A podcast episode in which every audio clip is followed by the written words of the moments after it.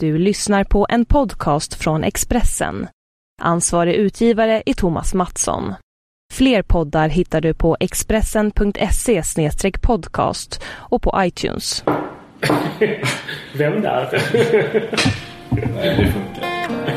I've been waiting all week long for this show to come on. I've been waiting show So come on. Spoiler alert.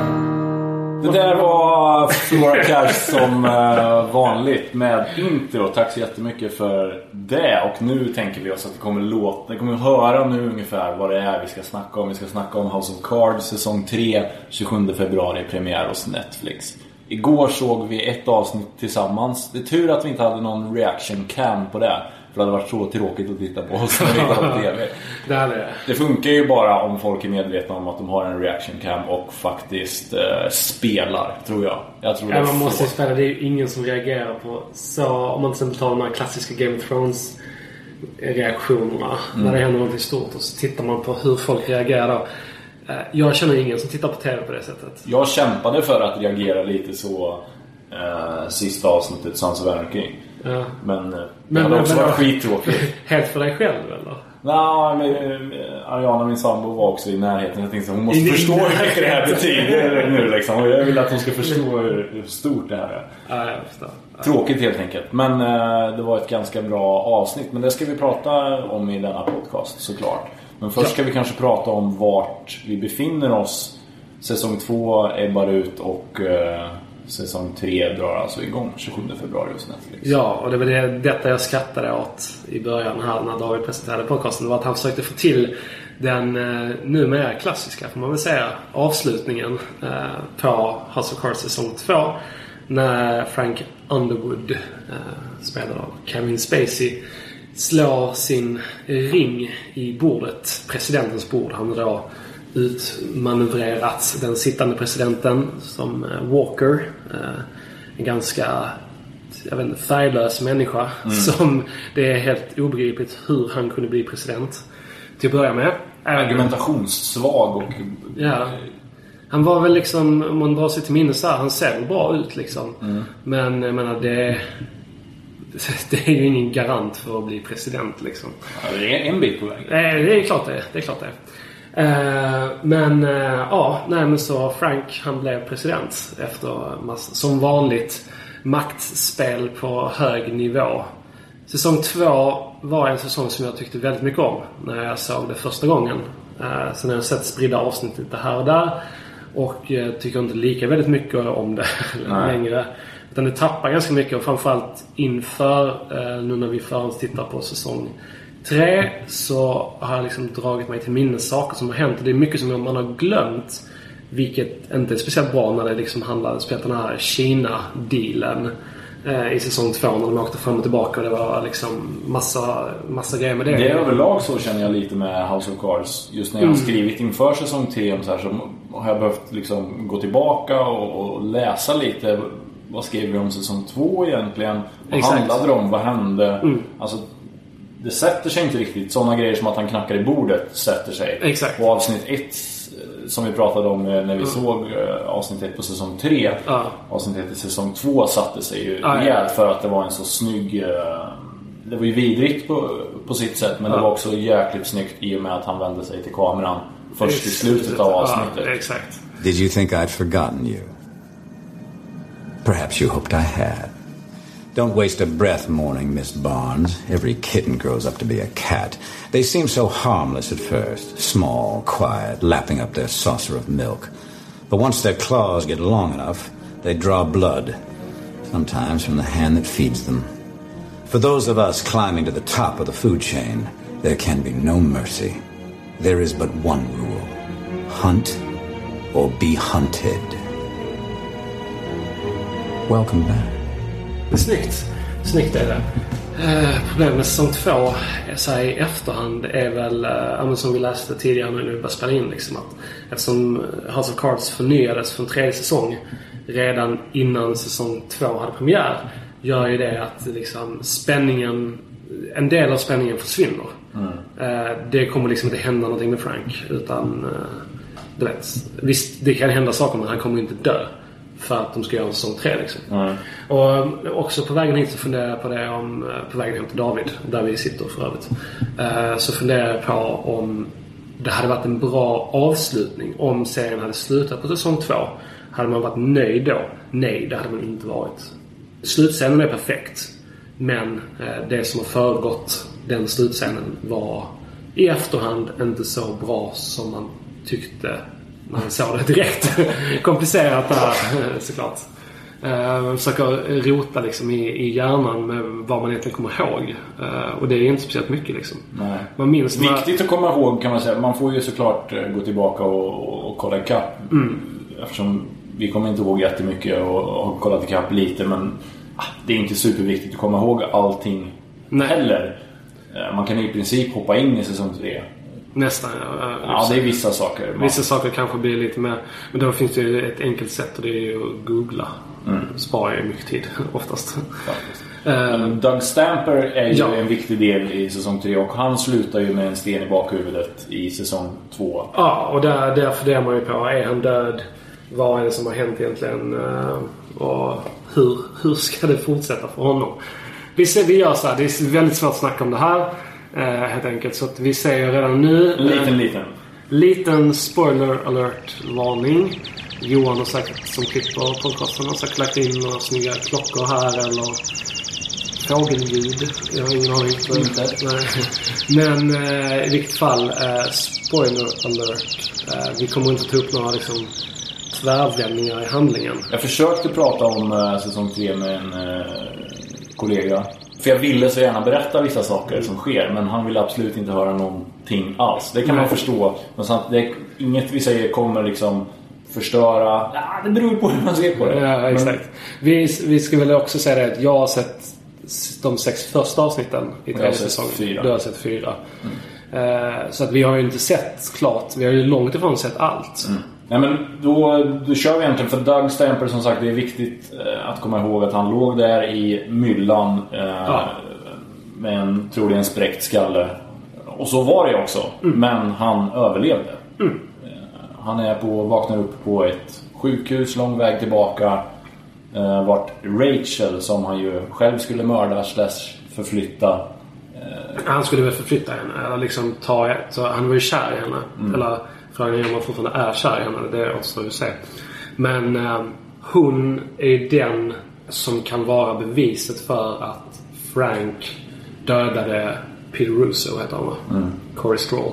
Så att hon är ju liksom den som kan egentligen fälla den sittande presidenten. Men, och då var ju då...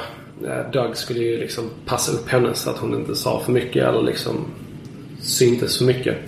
Eh, och eh, ja, det hela slutade med att hon flydde och han hamnade på sjukan liksom. Men hon är ju fortfarande ett hot som ligger... Eh, men I säsong tre så finns hon ju ganska mycket handlar indirekt om henne genom andra rollfigurer. Så, Ja hon är ju på fri fot och hon bör ju inte vara det fortfarande. Precis. och Doug är ju, ja men dels är han ju ganska fucked up eftersom han har en krossad skalle och ja, kan knappt gå. Nej, Nej, saker, ja. lång rehab. Exakt. Eh, Men han vill ju inget hellre än att fortsätta jobba för Frank. Ja. Inte minst kanske nu när han är president. Dit han ju faktiskt har tagit honom. Mer eller mindre. Och det är ju en väldigt stor del av eh, början på, Ja. på säsongen. Verkligen. Är Dougs liksom, kamp för att komma tillbaka kontra deras konstanta spel. Det är ju en vidrig värld där man där de bara låtsas att han är en, en viktig pusselbit. Han är inte det längre för att han kan ju inte röra sig så bra. Nej, precis. Alltså, Men sen, men sen tycker jag också att det, det som, eh, när man tänker på det så är det ju eh, ganska modigt att börja säsongen med ett avsnitt där Frank nästan inte är med. Alltså att det är väldigt mycket fokus på, på Doug. Och det, det tror man ju, har ju jag hypoteser om att hans lojalitet till Frank tar lite vändningar. Eh, vi vet inte hur detta slutar. Men eh, det måste finnas en anledning till att man har lagt så mycket fokus på Doug i början. Eh, så vi får väl se vad det blir. Men det, det är inte ointressant. Men det är inte heller så här, oj vad intressant öppningen var. Kan jag känna. Utan det man kände var ju att det var, det var en väldigt bra öppningsscen. Frank besöker sin fars grav. Eh, Det här var det jag ville berätta om. Ja, Som jag inte fick. Han gör det för att framstå som, eh, Som lite mer mänsklig. Ja, Och har massa reportrar med sig på väg till sin fars grav. Men de får inte följa med fram till graven. Nej. eh, För att han behöver lite alone time. Som hans eh, pressmänniska säger. Men den alone time består ju i att han pissar på sin fars grav. det är roligt. Det, Det, det var på något sätt där man kände okej, nu- det här är House of Cards. Ja. Nu är vi tillbaka. Precis. Ja, för innan, ja det är de, när de tar det ett steg längre, det är då det blir riktigt, riktigt bra. Exakt. Och, men sen så är det ju, jag tycker också att det, utav de här sex avsnitt som jag har sett så finns det ingenting som är det är spännande om man dras in i den här världen och ska man liksom säga någonting så är det väl liksom nu när Frank är president så är det egentligen så att han har ju ingen motståndare att knacka ner från tronen. Nej. Däremot så är det många som vill ha bort honom från tronen. Mm. På ett sätt så har ju liksom grunden för House of Cards vänts på något sätt. Mm. Att nu är det Frank som måste försvara sig mot andras attacker. Han är ju sämre på det också. Det han är bra på är ju att attackera Ja. och liksom dra ner folk i skiten. Precis. Eh, Men när folk då försöker göra det mot honom, det är han ju inte lika bra på. Han kan ju inte läsa det på samma sätt som man kan läsa vart folk är på väg och stoppa dem. Liksom. Exakt. Och där, därför blir det då också en nödvändighet är att eh, den ryska presidenten eh, är väldigt involverad i, i de här, i alla fall första hälften då, Mm. av, av säsongen eh, på olika sätt. Eh, och eh, det är ju en nödvändighet för Frank behöver ju någon som är, någon som är jämlik eller till och med över honom Mm. för att det liksom ska bli spel på riktigt eller vad man ska säga. Om man verkligen gillar det här liksom knackandet i bordet och när Frank kör liksom en takedown på andra Ja. så kommer man ju sakna det ganska mycket. Ja. Jag saknar det till exempel i mötet med den ryska presidenten. Mm. Att det är lite jobbigt att se Frank lite undergiven. Ja, exakt. Det, så, så är det ju. Hans planer utav det man har sett och det som har spelats ut har varit mycket sämre än vad det har varit i säsong 1 och säsong 2. Återigen, det är alltså säsong 3 liksom de två övriga. Man dras in i det direkt. Tycker jag. Det, det är aldrig ointressant. Sen så finns det ju punkter som är som inte är så intressanta.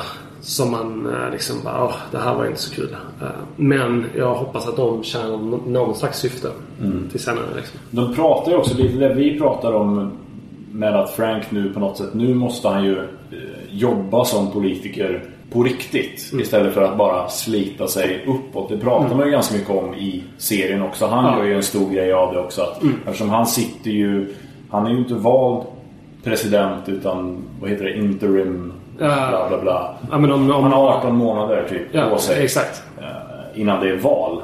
Ja. Och när, vi ska säga också att när vi börjar så har det då då har Frank varit president i sex månader om jag minns rätt.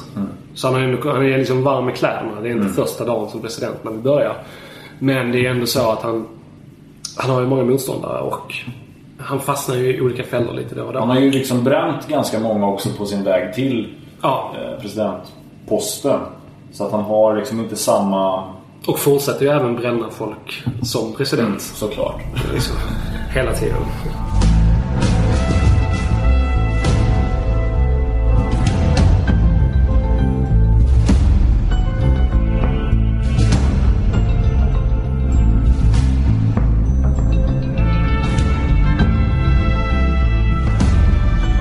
Det känns som att det är fler rollfigurer slash motståndare till Frank som börjar se igenom honom. Att det är inte lika lätt för honom att, att ljuga sig fram, att trixa och lura andra som det eh, har varit tidigare. Liksom. Nej. Utan, Men det är också för att många har sett att allt han har gjort egentligen har lett fram till det här. Ja. Jaha, det var... det var okej. dit han ville Ja. eh, och vi har inte fått det vi har blivit lovade typ. Nej. Något sånt. Så det, det, det finns ju någonting i det också. Men, ja förlåt. En, en skön grej med House of Cards, jag tänker, även om man inte får den här behind the scenes-looken som är rent så här teknisk och konkret på hur saker fungerar. Så är det ju skönt tycker jag att, även om det är psykologiskt spel så handlar det ju bara om det politiska spelet oftast. Claire, Robin Wright, är ju underbar. Eller underbar, hon är ju vidrig. Hon också. Men jag tycker att det känns än tydligare i i alla fall de här första fyra som jag har sett. Att de är så oerhört viktiga för varandra i serien. I det att ingen av dem låter den andra bli mänsklig. Nej. Alltså så, när Frank sitter och tvivlar lite och börjar prata om liksom att han faktiskt har blivit berörd av, av någonting. Eh, så hugger hon av honom direkt. Och det är ju iskallt. Ja, det, det, det där jag också. det- Jag kan säga att det finns scener här som jag... Och den som du snackar om är bland annat en av dem. Jag har faktiskt lite tveksamhet till det. Ja, tvärtom alltså. Ja, men det är som för att... när man tänker på det så är det så att det är liksom... Även om de nu har nått sitt mål. Så måste ju målet vara att vara kvar som presidentmakare. Så länge det bara går. Vilket innebär att Frank måste vinna president, bli president ytterligare en gång. Och då Claire ska liksom få jobba sig uppåt och få viktiga positioner och så vidare. Liksom. Eh, Hon är inte helt nöjd med att bara vara First Lady kan man Nej, säga. precis. Exakt, exakt. Men då, det som då gör mig lite tveksam det är den här biten utav att mer än tidigare snackar de om liksom så här moraliska betänkligheter och tveksamheter och eh, alltså visar sig svaga på ett sätt som de inte har gjort tidigare. Vilket gör att och det är för mig konstigt för att då blir det lite som att men vi har redan nått vårt mål. Så varför ska vi kämpa på och vara så här iskalla och brutala? Eh, Medan jag tycker att de har ju inte nått sitt mål. Om man har följt dem tidigare då förstår man ju att det här är inte deras slutmål. Utan slutmålet är att Frank blir vald till president ytterligare en gång. Han ska ha ett legacy. Exakt. Precis. Och det, det är också det, eh, en central del i detta är ju då en, ett lagförslag som han jobbar på. Eh, som ska bli And works. ja, en del av hans legacy, eh, helt enkelt. Så hittills är jag lite tveksam till den moraliska svagheten. Som egentligen bara är helt mänsklig. Eh, men de ska inte vara mänskliga. De, ska ju vara liksom moraliska liksom, serie, seriefigurer på något sätt. Alltså så här, de ska inte känna någonting på det sättet som andra människor känner. Samtidigt då så finns ju någonting fint i att de visar sig svaga. För Det är sådana korta stunder av svaghet. ja, just ju- att eh, de slår ner varandras Ja. svaghet. Det är liksom att de utan varandra så kunde, det, kunde de ju sitta och böla i princip. Exakt. Eh, De behöver liksom vara iskalla jävlar. Ja, och de behöver, Frank behöver Claire för att hon ska kunna lyfta honom till att göra de här sakerna som är svåra. Likaledes så, så behöver Claire Frank för att klara av det som hon ska göra. Eh, och utan att tänka liksom. Och det, är- det är intressant också att tänka på deras äktenskap. Vilket alltid har varit, eh, för mig i alla fall, den stora behållningen med House of Cards. Men än mer så tycker jag nu. För att det visar tydligt också att Claire, som du sa, inte är nöjd med att bara vara First Lady. Och eh, det har man väl känt lite tidigare också att hon, hon vill ju också ha en karriär. Och då blir ju frågan vad händer om Frank inte blir omvald? För det tvekar ju hon kring väldigt ofta. Ja. Det är ju också så här en, en, en grej att sticka honom i sidan med. Ja, precis. Hela tiden. Så fort Ja. han är emot att hon ska göra någonting för att det kanske skadar hans politiska kapital. Så finns ju allt det där. Men om du inte blir omvald så måste ju jag ha någonting. Ja, jag måste ha någonting, en liksom en... Jag måste ha börjat gå ut på trampolinen för att sen kunna hoppa. Eh, För jag kan Och få ut någonting av de här 18 åren då Ja. min make är president. Precis, så att, så att hon senare kan du vet, börja ta sig in eh, i politiken på riktigt. Det finns ju någonting, det finns någonting så här kittlande som liksom drar sig mot paret Clinton eh, när man liksom ser dem. Inga andra jämförelser kanske, vad vet jag. Men, eh, men det finns ju den där, den där biten med att, att det är så tydligt att båda vill göra karriär. Men eh, den ena måste hållas tillbaka för att den andra ska lyckas till att börja med. Men vad händer då när den andra har lyckats? Det är det, det, är det som är intressant. Det, lite med dem är det ju att de kan ju aldrig vara lyckliga samtidigt. Nej. Och sen så är det, också många gånger, jag menar när jag såg avsnitten igår och idag. Så tänkte jag på att liksom de är ju inte lyckliga. De har ju nått sitt mål men de är inte lyckliga. Vilket ju måste då vara att de dels känner att de inte har nått sitt mål. Men sen finns det också en, en poäng i att när du väl har nått ditt mål, vad gör du då i den positionen? Han vill ju ha absolut makt. Det finns ju eh, en scen där pratar det finns ingen som har absolut makt. Nej. Säger en präst till honom. Men han ska ju ha absolut makt. Precis. Jag menar, kommer man då bli president och så inser man att det här har jag inte heller absolut makt. Vad ska jag göra nu för att få Mm. mer makt? Eh, Det är det som är den ständiga jakten liksom.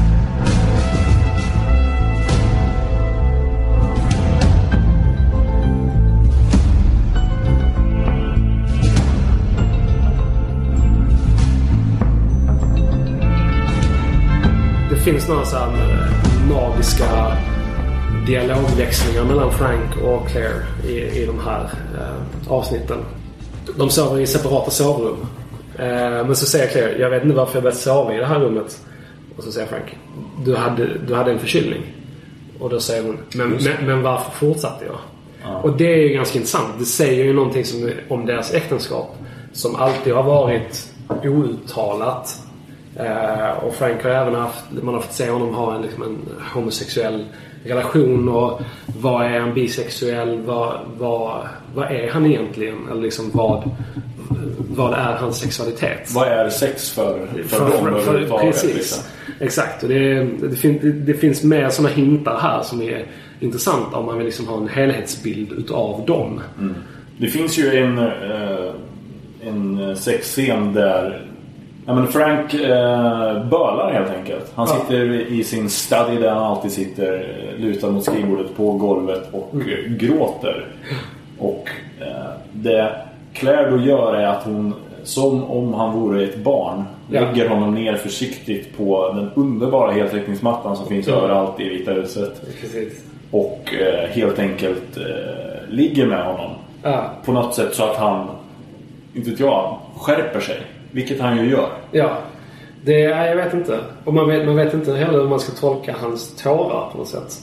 Är det, är det liksom av pressen han gråter? Eh, Den enorma pressen av att vara president?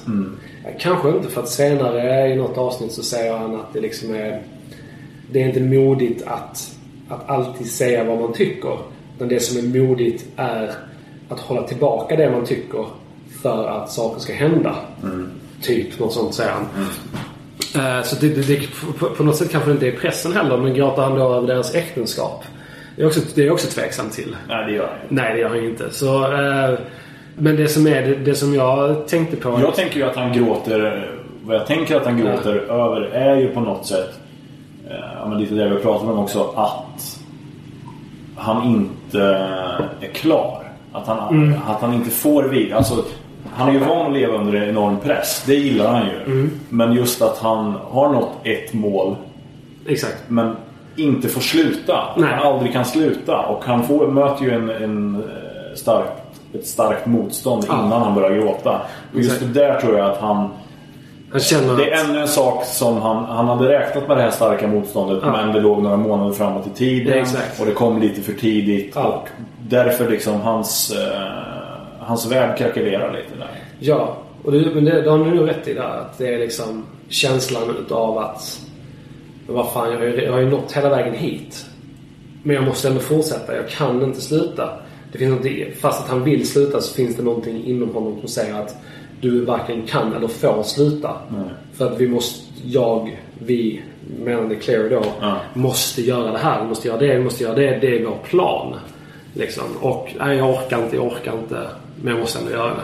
Nej, det kan du rätt i. Sen är det, det som är intressant är också att det, med den scenen är ju att det visar ju liksom den traditionella rollerna mellan man och kvinna är ju ganska mycket så utsuddade eh, i House of Cards. Men också, eller då mellan Frank och Claire. Men framförallt i denna scenen känns det ju som på något sätt. För att det känns som att det är, eh, en, om man bortser från tårarna så är det liksom Claire blir lite utav mannen under sexet på något sätt. Jag vet inte. Förstår du vad jag menar? Utan att det låter helt knasigt Ja. och eh, liksom Svårt att prata om det här. förnedrande. om det.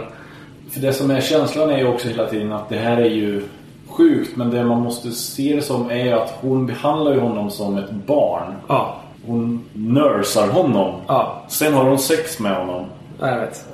Hela det där, återigen, det är där House of Cards är som bäst. Ja. I de där scenerna som tar det ett steg längre. Det finns ju en till sån som vi pratade om alldeles nyss i eh, avsnitt 4. Mm. Det är återigen där han tvivlar lite på sig själv. Mm. Det är lite för mycket motstånd. Och han... Eh, vad är det för något? Det är, ja, det är en präst. Han, han, han ber ju att få, att få komma till, till en kyrka eh, för att be. Helt enkelt. Och så pratar han lite med, med prästen. Och sen ber han om, om, om att få vara ensam i kyrkan. Och, eh, det För att be, som han Ja, säger be. Och man hör också på honom där att han ju ljuger. Ja, och att någonting, nu ska han göra någonting liksom. Ja. Eh, och, det, och detta är ju då, om man då först drar parallellerna till Vita huset.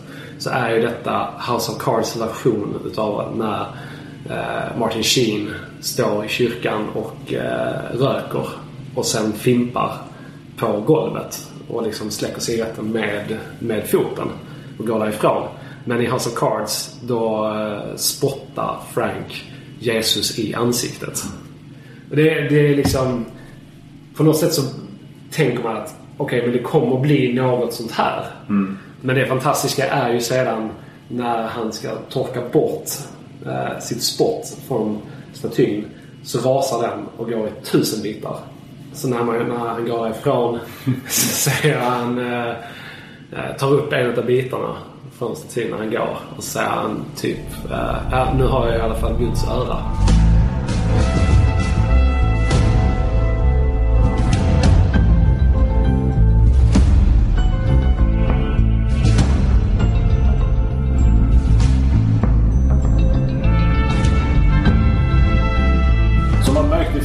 Mycket att snacka om. Man kan treva lite ibland för att man kommer inte ihåg jättemycket av det liksom stora. För att det är, det är som störst egentligen i de här små Precis. scenerna. Liksom. Ja.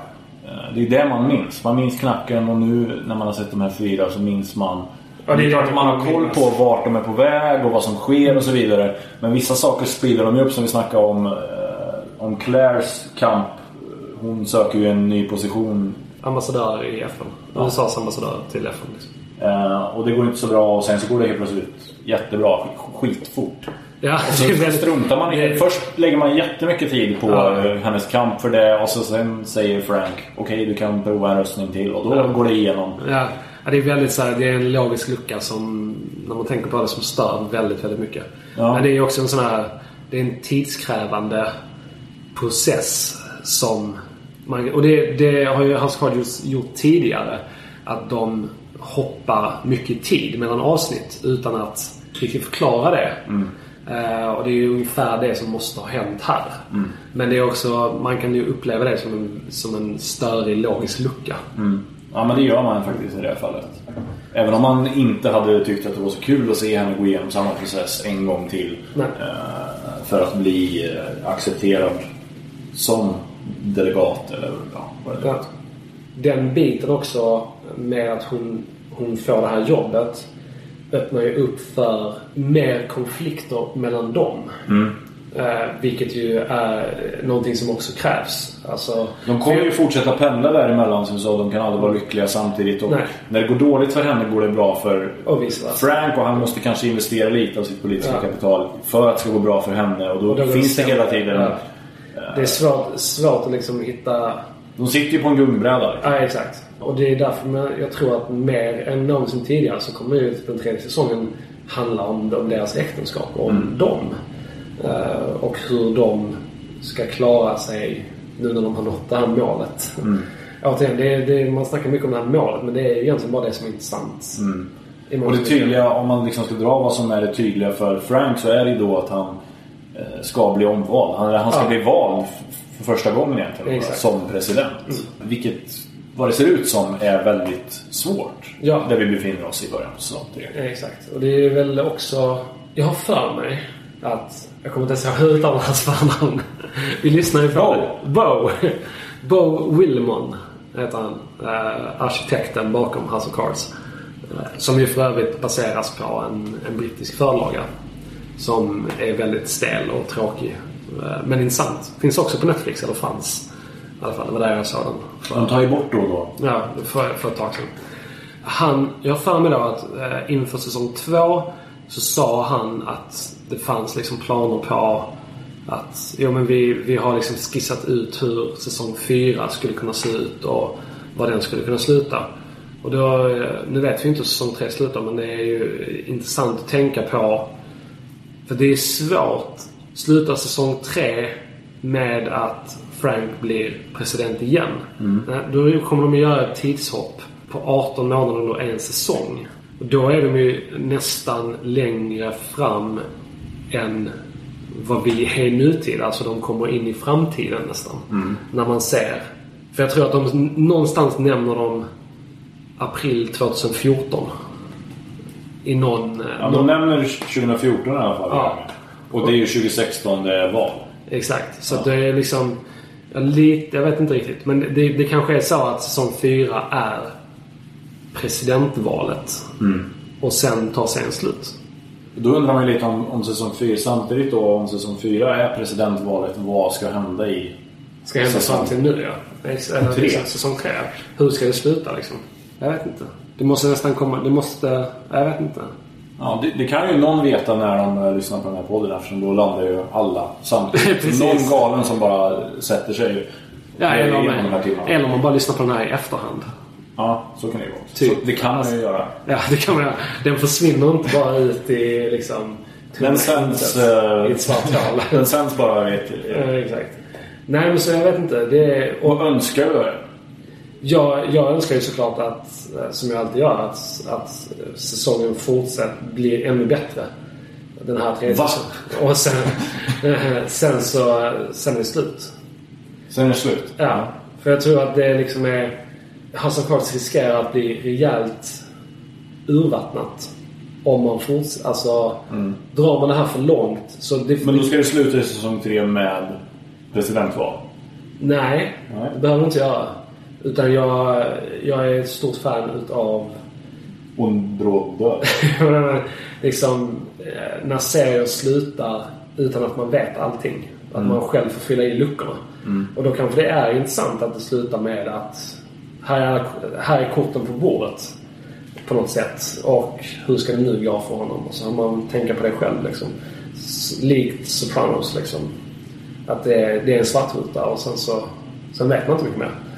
Eh, och det var ju därför det var intressant med eh, att även om säsong två har väldigt många svagheter, att den slutade som den gjorde.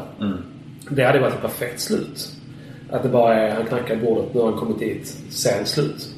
Och, men det, det som också kanske kan vara, eh, eh, vilket det här kan ju utvecklas till i säsong tre, det är ju att, eh, att Franks, för nu har han ju ingen, han har ingen president att putta ner i det egna landet. Nej. Så att då han ska gå till ett annat land.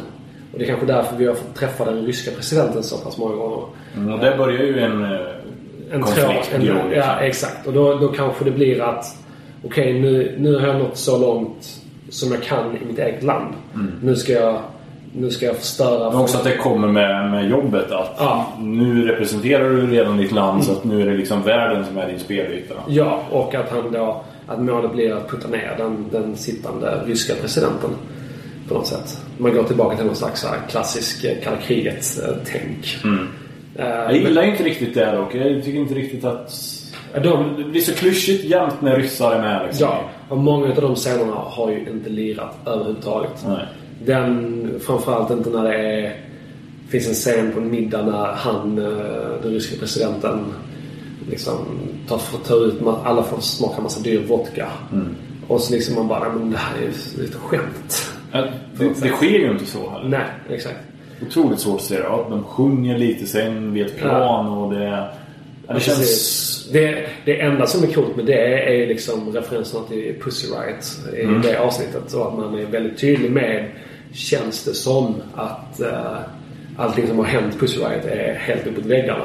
Mm. På något sätt. Alltså det finns en slags inbyggd kritik i avsnittet mot Mm. Ryssland.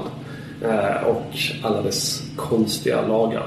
Så det är ju bra. Men uh, i övrigt... Jag gillar inte ryssen helt enkelt. svar, Det känns inte som att... eh, Jag tror inte Spacey gör det heller. Nej. Det känns inte som att de lirade med varandra på... Alltså, Skals, skådisarna heller nej. nej. Nej, jag tycker, jag, jag, jag tycker inte det heller. Och det är synd för att det hade ju kunnat bli något... Det ska ju vara lite obekvämt såklart Ja. eftersom det är en, en mäktig eh, rysk president som kommer och Frank är ju van, som vi har pratat om, att vara den liksom, mäktigaste. Men nej, det ska väl lite för mycket.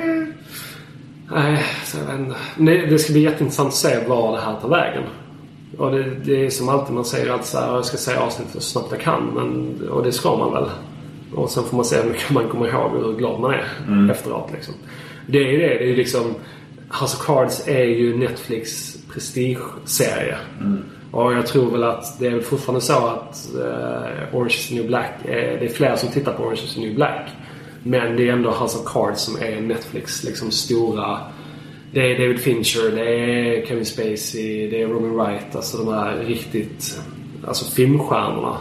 Och regissörstjärnan. Den är också lättare att skicka till eh, liksom, galor och sånt för att det är Precis. tydligare. Ja, på något sätt. Och Orange är ju fantastisk och bättre än House of Cards. Men eh, faller ju lite... Den klassiska, är det ett drama eller är det en komedi? På alla Och så har de ju gjort bort sig själva genom att byta också. Alltså, jag vet inte, men det, men det, och det är klart att Netflix måste väl vilja att det här, det här ska fortsätta i en evighet. Eh, för liksom... Det blir ju kort bränntid också får man ju se jämfört med liksom då, mm. kabelbolag och så vidare som har, kan kabla ut och, Över en längre tid. ja, en, ett avsnitt per vecka. Ja, exakt. Här kommer ju många bränna. Den är ju som gjord för att bränna av. Det är inga problem att göra det Liksom. Man tänker ju på, hade House of Cards funkat med reklam?